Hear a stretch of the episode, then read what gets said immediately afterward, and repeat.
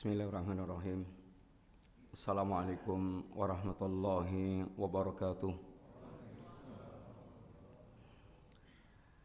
Innal hamdalillah wassalatu wassalamu ala Rasulillah. Wa ala alihi wa ashabihi wa mawalah. Wala haula wala quwata illa billah. Amma ba'du Alhamdulillah para bapak jamaah sekalian rahimani rahimakumullah. Yang pertama kita bersyukur kepada Allah Subhanahu wa taala yang sampai pada siang hari ini Allah masih memberikan kesempatan kepada kita dan tidak ada nikmat bagi kita melebihi kesempatan yang masih Allah berikan kepada kita semuanya. Karena dengan waktu inilah modal utama kita untuk bisa menambah amalan-amalan yang terbaik sekaligus mengoreksi apa yang kita telah lakukan masa lalu kita dalam rangka untuk mempersiapkan bekal yang terbaik kita menghadap Allah Subhanahu wa taala. Yang Allah di antaranya mengingatkan wattaqu yawman turja'una fihi ila Allah thumma tuwaffa kullu nafsin ma kasabat wa hum la yutlamun Takutlah kalian akan datangnya hari saat nanti Anda lalu setiap jiwa akan Ayat ini adalah satu di antara peringatan Allah kepada kita. Untuk senantiasa kita membayangkan apa yang akan kita alami saat nanti kita menghadap Allah. Yang pasti bahwa kita akan mengakhiri kehidupan kita di dunia tapi bukan berarti selesai kehidupan kita kita akan masuk pada kehidupan yang hakiki ini kehidupan yang kekal abadi kehidupan ba'dal mamat. Itulah hari-hari saat kita menghadap Allah taala.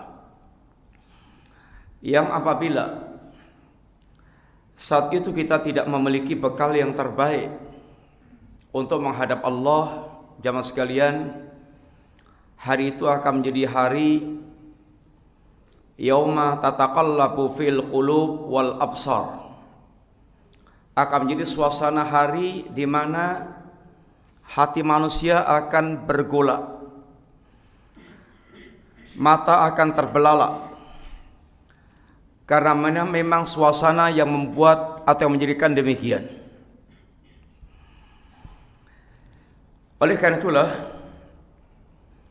tidak ada perhatian terbesar saat kita masih diberikan kesempatan seperti ini, Bapak sekalian, melebihi kita memperhatikan iman kita, memperhatikan ketakwaan kita yang Allah Subhanahu wa taala katakan fatasawwadu fa inna khairaz zadi taqwa. Berbekalah kalian sesungguhnya bekal yang terbaik bagi kalian adalah ketakwaan Anda. Seandainya kita datang kepada Allah tanpa membawa bekal yang satu ini, jamaah rahmati Allah taala, apa pun yang kita miliki dari perkara dunia dan sisinya layang fa sama sekali tidak akan memberikan manfaat. Walaupun kita menjadi konglomerat yang paling hebat walaupun kita bisa membanggakan semua anak cucu kita tapi Allah telah ingatkan Hari itu suasananya lauma yauma la yang malun wala banuna illa man atallaha biqalbin salim. Hari itu hari harta Anda sebanyak apa pun. Anak Anda sehebat apa pun.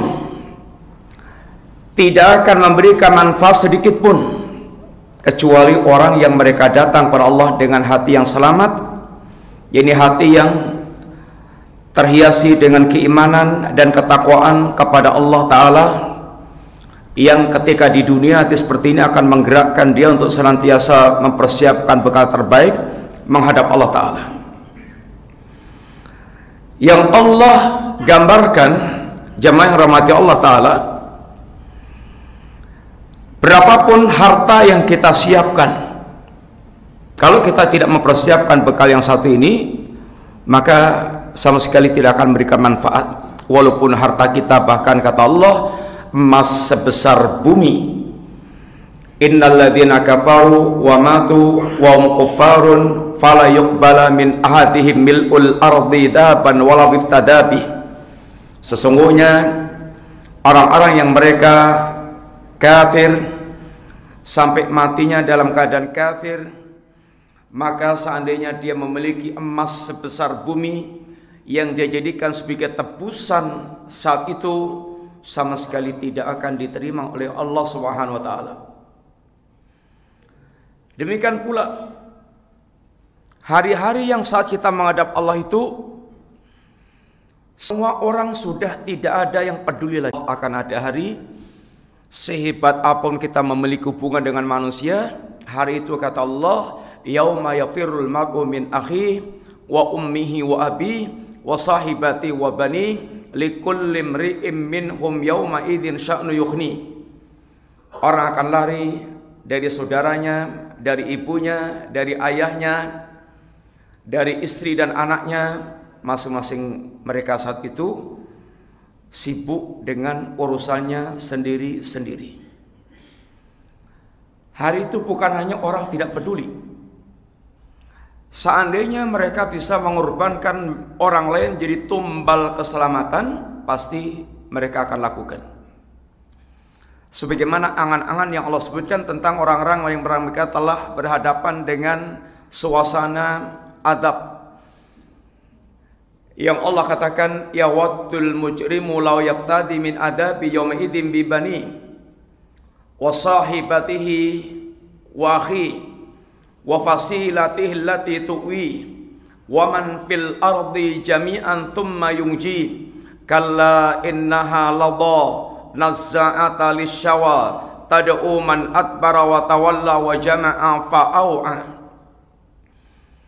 kata Allah orang-orang yang di dunia mereka mujrim mujrim orang yang mereka tidak mau peduli dengan agama sama sekali yang mereka senantiasa tampilan kehidupannya adalah selalu menjauh kepada Allah, durhaka kepada Allah, melupakan Allah, hidup tenggelam dalam uh, larut dengan keinginan hawa nafsu adalah mujrim.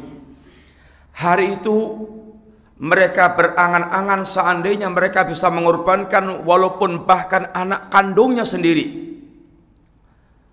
Jangan sekalian, semua kita tahu di dunia ini tidak ada orang yang mereka memiliki hubungan kasih sayang yang tulus di dunia seperti tulusnya orang tua kepada sang anak. Sejelek apa pun anak itu, maka dia akan siap korbankan semuanya demi sang anak. Tapi di akhirat kelak, ini seandainya dia bisa mengorbankan anak kandungnya, akan dia korbankan. Belum cukup dengan saudaranya, dengan istri dan anaknya, dengan istrinya, keluarga besarnya.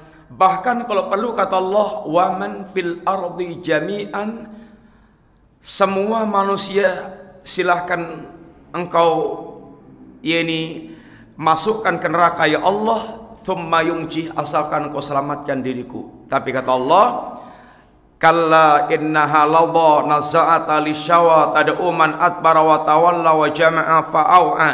Sekali-kali enggak bisa.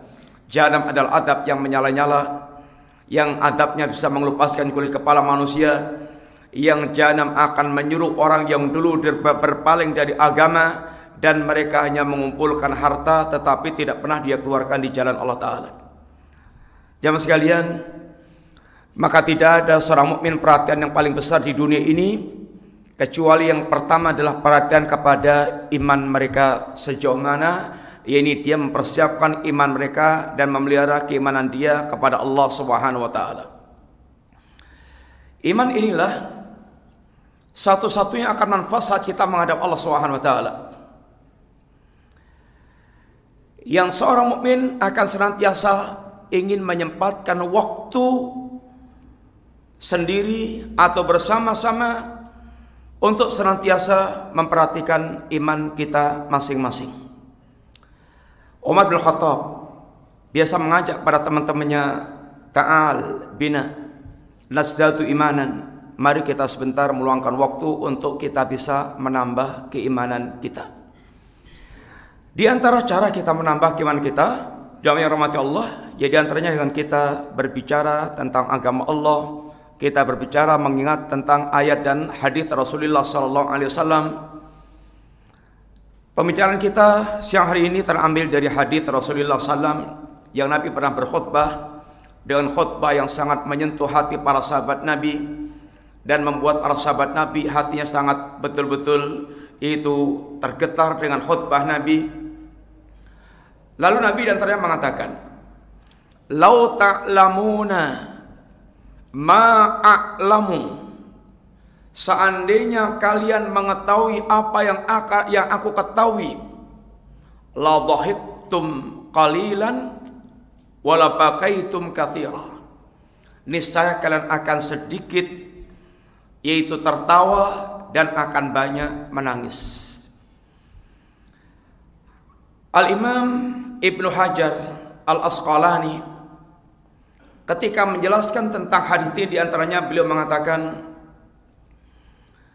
wal murad bil ilmi yang dimaksudkan dengan ilmu dalam hadis tersebut lau ta'lamuna ma'a'lamu seandainya kalian mengetahui apa yang aku ketahui yang dimaksudkan dengan ilmu dalam hadis tersebut kata beliau adalah ini ma yata'allaqu bi atamatillah.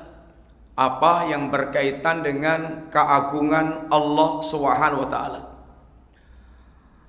Wa bintiqami man yaksihi dan apa yang berkaitan dengan hukuman-hukuman Allah bagi orang-orang yang mereka bermaksiat kepada Allah.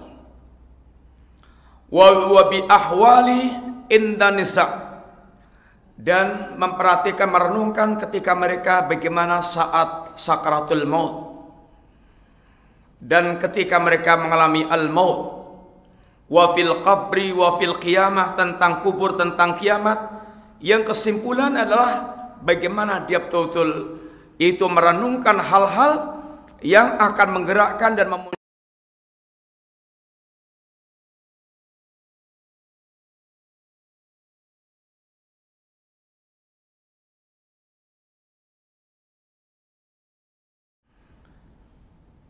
Para jamaah sekalian,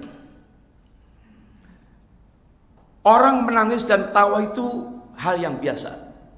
Itu merupakan bagian sifat basyariah, jadi sifat manusia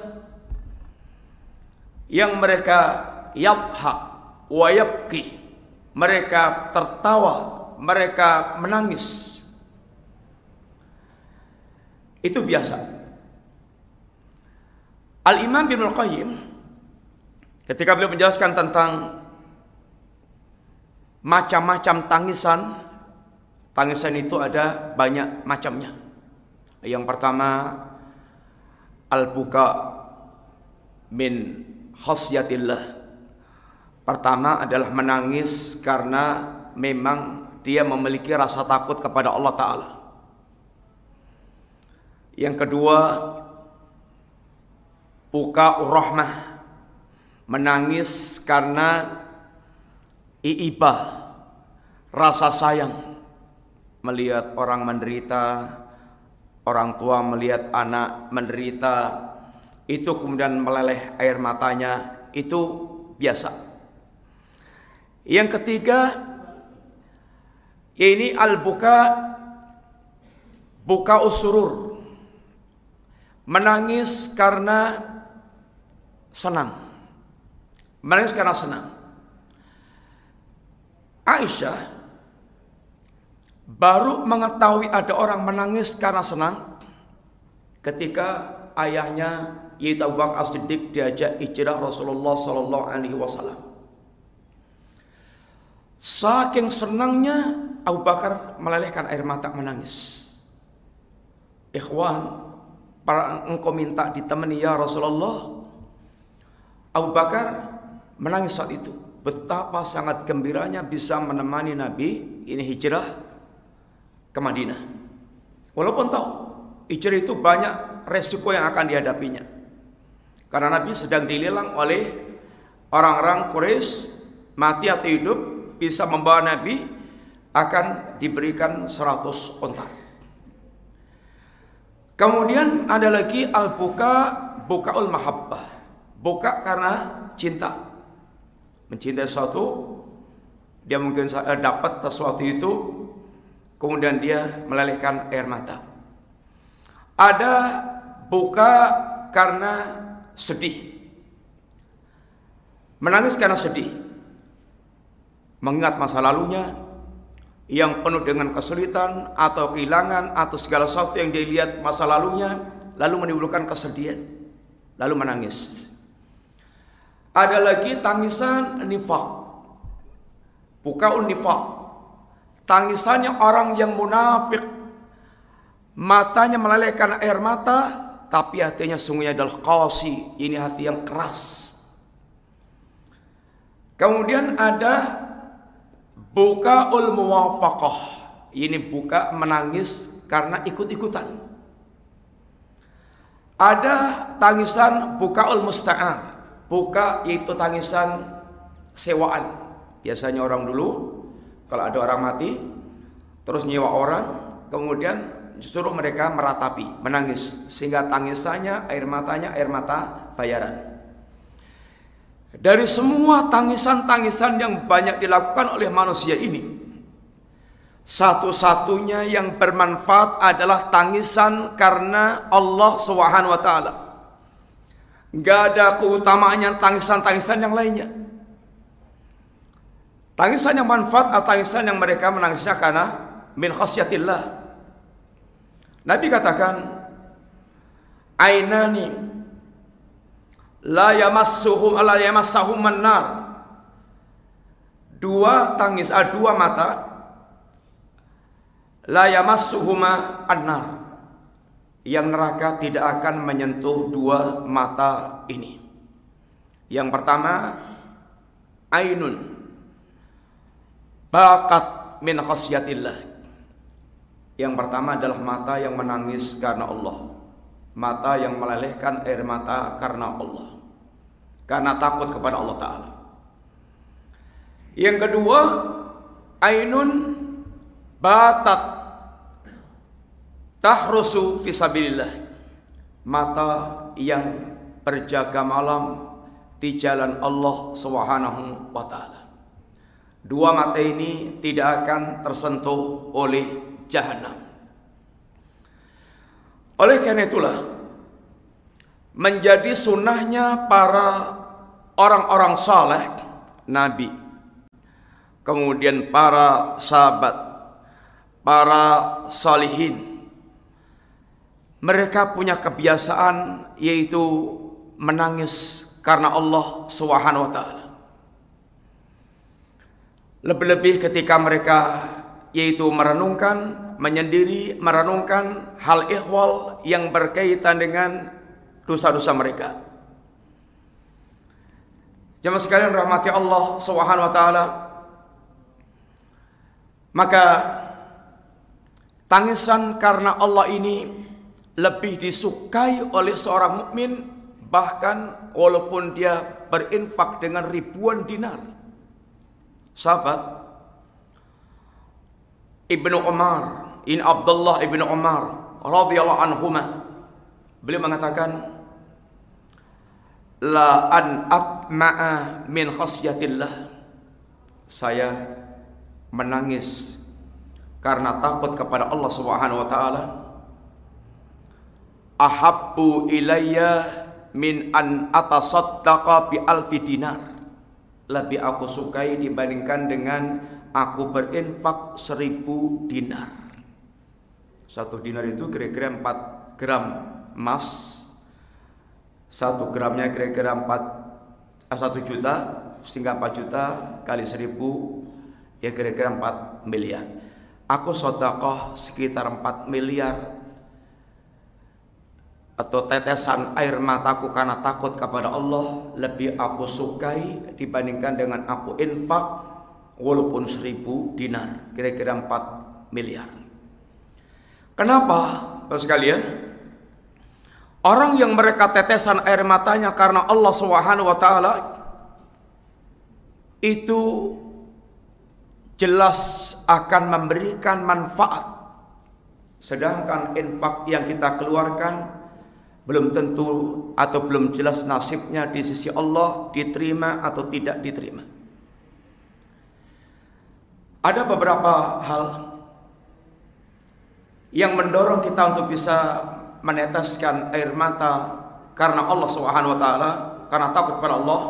Yang pertama, at-tafakkur bi asma'illah suka merenungkan, memahami nama-nama Allah Ta'ala. Sekalian dan ini merupakan akar ketakwaan seorang hamba adalah ketika mereka mengenal Allah Ta'ala. Hamba yang paling sempurna bisa beribadah kepada Allah adalah hamba yang paling mengenal Allah Ta'ala. Al-Imam Ibn Al-Qayyim menerangkan, Akmalu nasi ubudiyatan al-muta'abbid bi jami'il asma'i wa sifat allati yutali'u alihal bashar.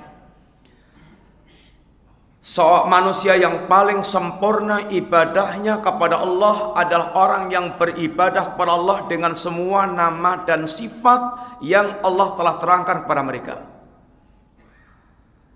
Jamaah rahiman rahimakumullah. Apa hubungannya antara mengenal nama Allah dengan sempurnanya ibadah kita kepada Allah Subhanahu wa taala? Karena dalam setiap nama Allah mengandung sifat Allah yang sempurna yang menuntut kita beribadah kepada Allah dengan kandungan yang ada di dalam nama Allah tersebut.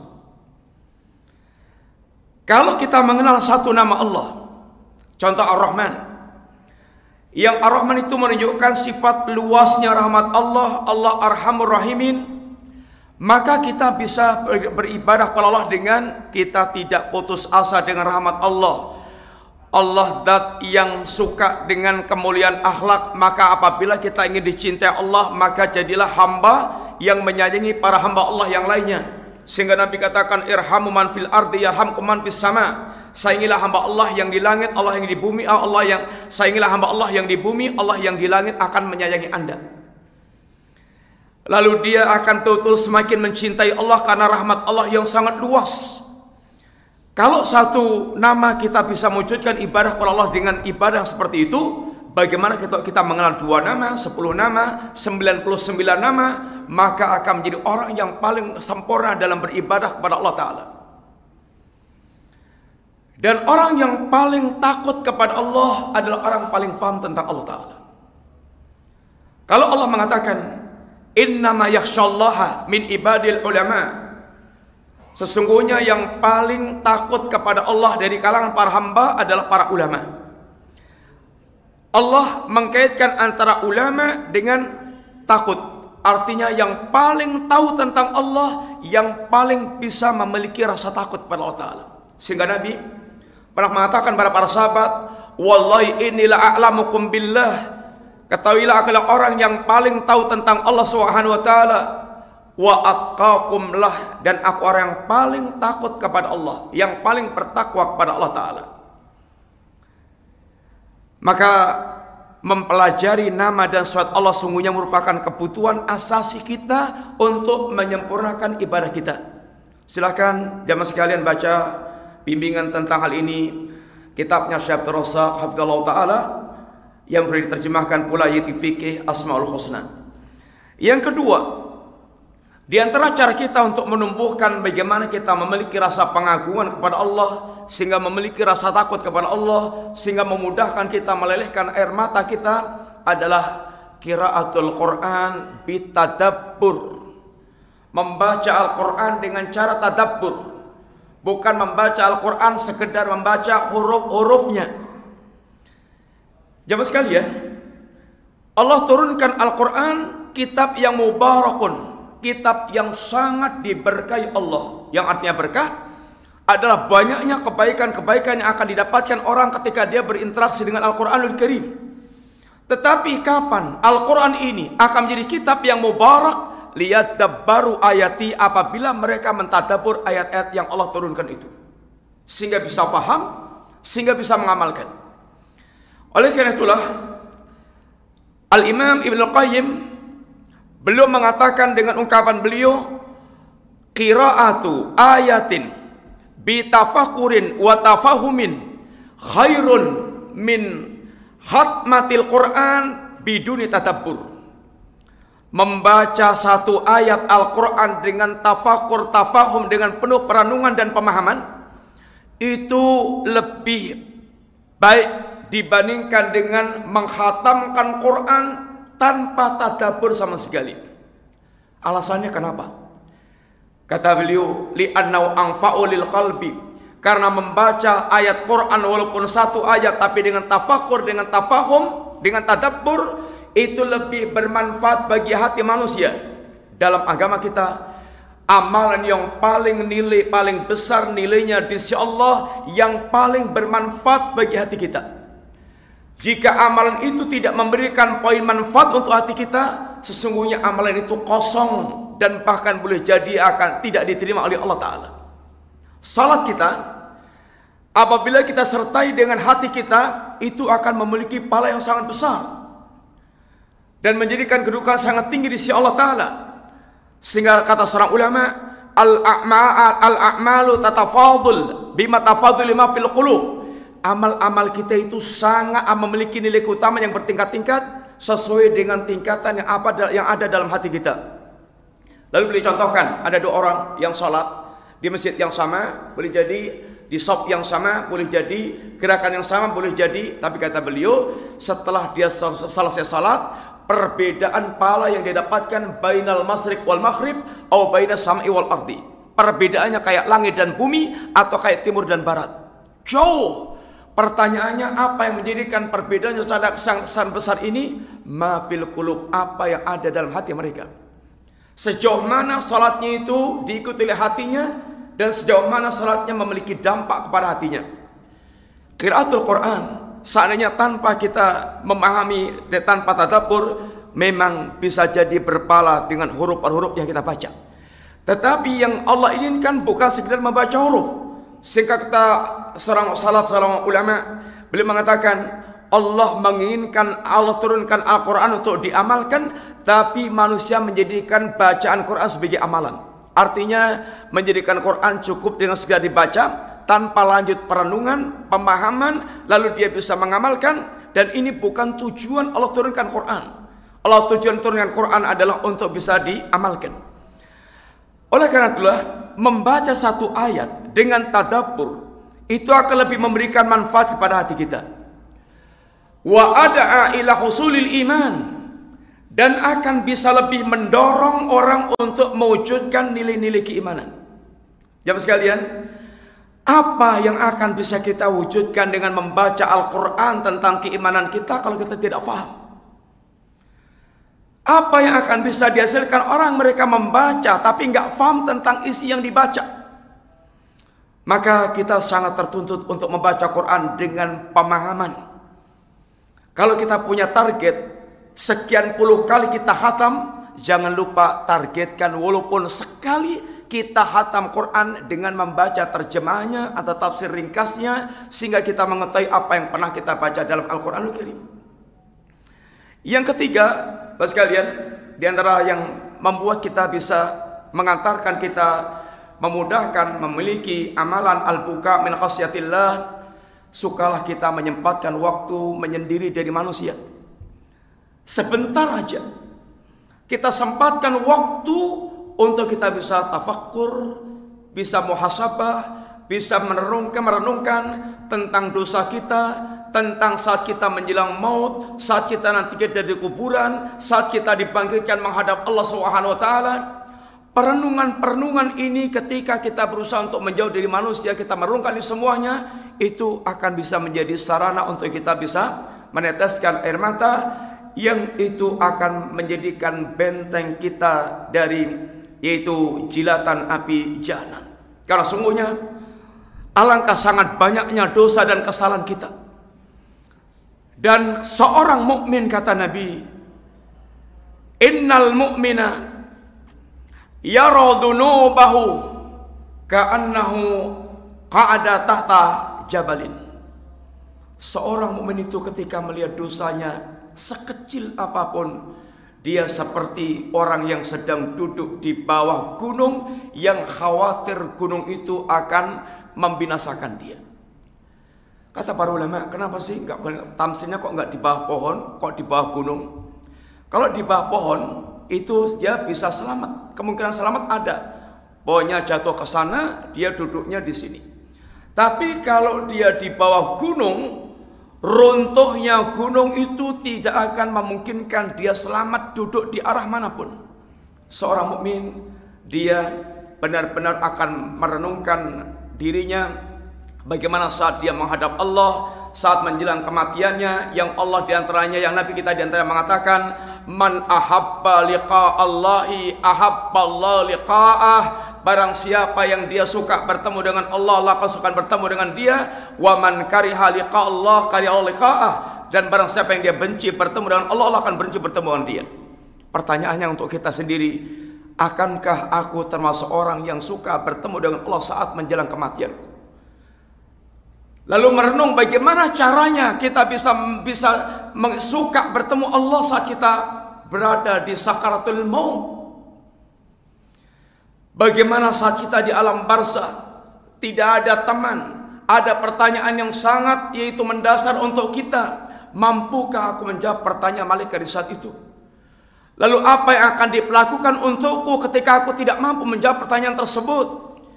Bagaimana saat kita dibangkitkan menghadap Allah dan seterusnya. Perenungan-perenungan ini menjadikan seorang dia kemudian bisa senantiasa melihat tentang dirinya.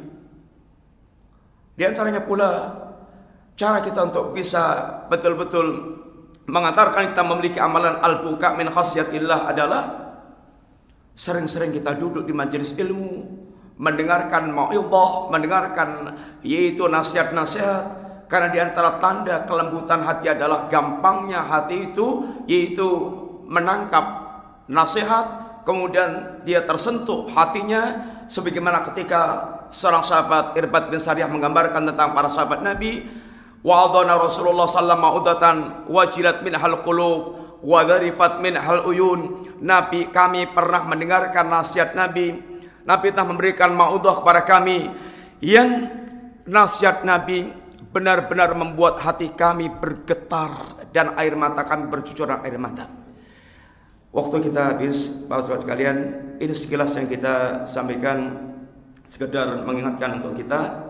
Satu di amal yang sangat bermanfaat seorang mukmin adalah al-buka min khasyatillah, tangisan karena takut kepada Allah, tapi tangisan ini nggak bisa dibuat-buat, bukan tangisan nifak, tapi betul-betul tangisan yang betul-betul hasil dia berinteraksi dengan Allah, hasil perenungan dia terhadap dosa-dosa dia, hasil dia betul-betul memahami kitab Allah, membayangkan apa yang mesti dia bayangkan tentang kehidupan yang akan dia hadapi, maka mudah-mudahan Allah memberikan mencurahkan mereka taufik ilmu, taufik amal, semangat kita untuk mempersiapkan untuk hari-hari kita di mana harta kita sebanyak apa pun, anak kita sebat apa pun tidak akan lagi berguna kecuali kita mbah hati yang selamat, hati yang bertakwa kepada Allah Subhanahu wa taala. Jazakumullah khairan. Wa sallallahu ala nabiyyina Muhammadin wa ala alihi wa sahbihi wasallam. Subhanakallahumma wa bihamdika asyhadu an la ilaha illa anta astaghfiruka wa atubu ilaik. Assalamualaikum warahmatullahi wabarakatuh.